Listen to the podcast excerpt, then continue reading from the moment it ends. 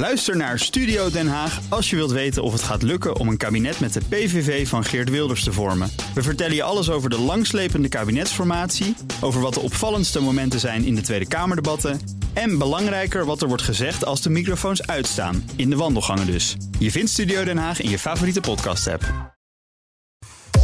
Crypto-update. We gaan naar Herbert Blankenstein, presentator van BNR's CryptoCast... ons programma over bitcoin en andere digitale coins. Herbert, goedemorgen.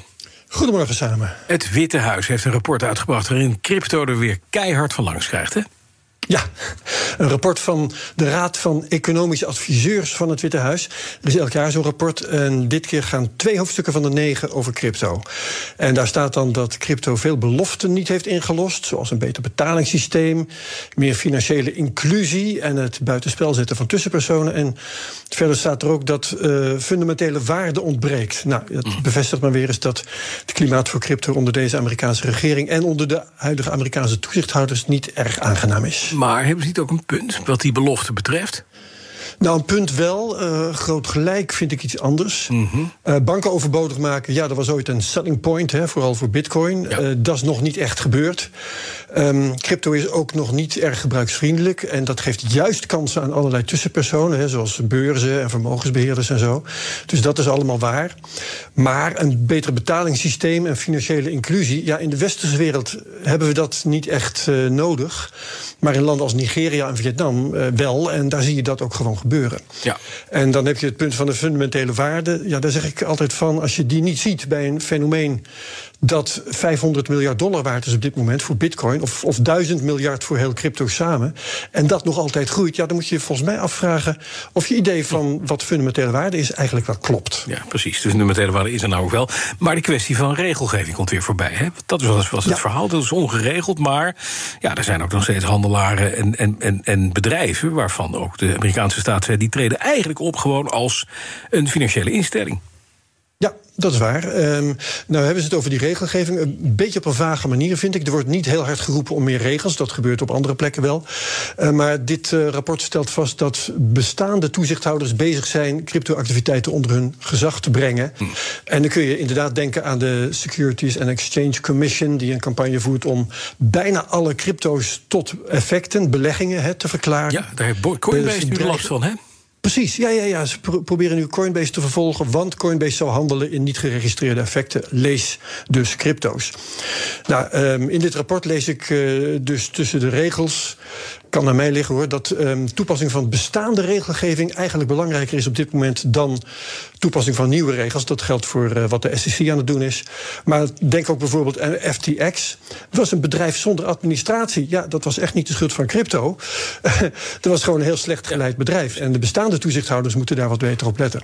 Nou, um, even goed, dit rapport is um, van de adviseurs, economische adviseurs van de president dus, is net zo sceptisch als de regering Biden zelf. En samen gaan ze het cryptowereld nog wel lastig maken de komende tijd, denk ik.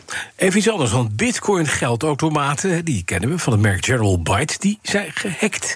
En zo is er anderhalf miljoen aan bitcoin verdwenen. Inderdaad. Um, die geldautomaten die hebben een wallet aan boord. En die is altijd verbonden met internet. Nou ja, dat is een risico, maar het kan ook moeilijk anders. Want die moest verbonden zijn met een server bij General Bytes voor onderhoud en dat soort dingen. Um, een boef kon dus doordringen tot die server. En daar vandaan een heel aantal ja, van die wallets op allerlei geldautomaten overal ter wereld legen. En dat leverde um, 56 bitcoin op. Reken om, dat is inderdaad ruim anderhalf miljoen dollar. Ook nog 22 ether, dat is nog 40.000 erbij. Okay. En degenen die bestolen zijn, even opletten, dat zijn dus de exploitanten van die geldautomaten. Okay. Dus dat zijn ondernemers die zo'n ding in hun zaak hebben staan. Nou, bedankt. Dat staat dus niet in je eigen bezit op, maar uh, ja. je hebt dan de wallet is inmiddels het lek gedicht. Ja, het geld is weg natuurlijk. Het geld is weg, het lek is gedicht. Ja, dank Zo u. gaat dat. Ja. Uh, General Bytes heeft gezegd dat er een patch is geïnstalleerd. Ik heb trouwens gevraagd of ze het geld ook terugbetalen aan de, uh, hun, hun klanten, hè, Ja, dus die ondernemers. ja, Daar heb ik geen antwoord op gekregen. um, General Bytes heeft ook gezegd dat er diverse security audits hebben plaatsgevonden sinds 2021 die dit probleem niet hebben gevonden. Daarmee zeggen ze dus in feite: ja, we hebben gedaan wat we konden. Misschien is dat wel zo. Wat ze nu gaan doen, is ze stappen af van zo'n centrale server. Dat betekent dat die ondernemers uh, dat onderhoud, dat beheer voortaan zelf moeten gaan doen. Dat zal wel lastig zijn. Maar ja, dat voorkomt dat je dan met één hek duizenden uh, geldautomaten kunt gaan plukken. Ja, maar toch, het is niet een waterdicht systeem. Dat uh, begrijp ik wel tussen nee, de regels door. Klopt. Coinbase is inmiddels open voor Brazilianen. Ja, we hadden het al over Coinbase. Ja. Um, ze stellen de boel open voor Brazilianen. Um, die konden al, net als iedereen, uh, hun bitcoin storten bij Coinbase en dan lekker handelen. Maar nu kunnen ze ook hun eigen munt reals uh, storten en hun populaire betaaldienst Pix gebruiken. Dus daarmee wordt dan crypto kopen voor gewone Brazilianen opeens een heel stuk makkelijker. Bij Coinbase. Ja. Uh, want uh, verder zijn er in Brazilië echt al zat cryptodiensten. Ze hebben zelfs een aantal van die ETF's, crypto-gerelateerde aandelen. Mm -hmm. Wat ze in Amerika nog niet eens hebben. Dus dit nieuws is vooral goed voor Coinbase. En dat aandeel steeg op het bericht zo'n 12 procent. Uh, leuk om even terug te kijken. Coinbase ging naar de beurs in april 2021, twee jaar geleden, op 330 dollar. Het hoogtepunt was in november uh, 2021 op bijna 360 dollar. Het dieptepunt afgelopen december op 35 dollar. Meer dan 90 procent eraf.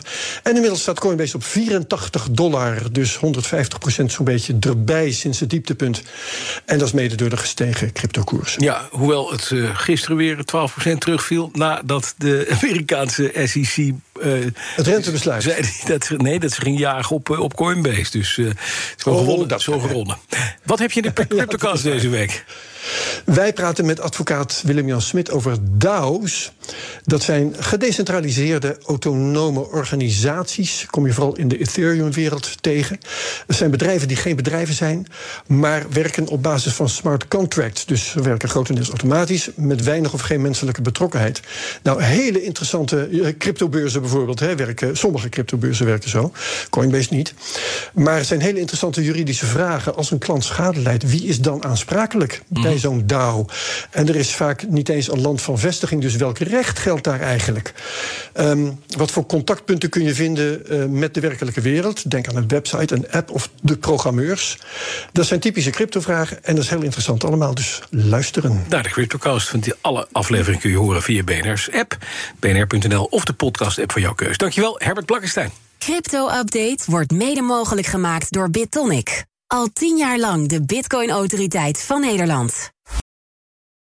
Ook Diana Matroos vind je in de BNR-app. Ja, inderdaad. Je kunt live naar mij luisteren tijdens de Big Five. Ook handig in de BNR-app. Breaking nieuwsmeldingen, maar ook het allerlaatste zakelijke nieuws. En je vindt in de app alle BNR-podcasts, waaronder Wetenschap Vandaag. Download nu de gratis BNR-app en blijf scherp.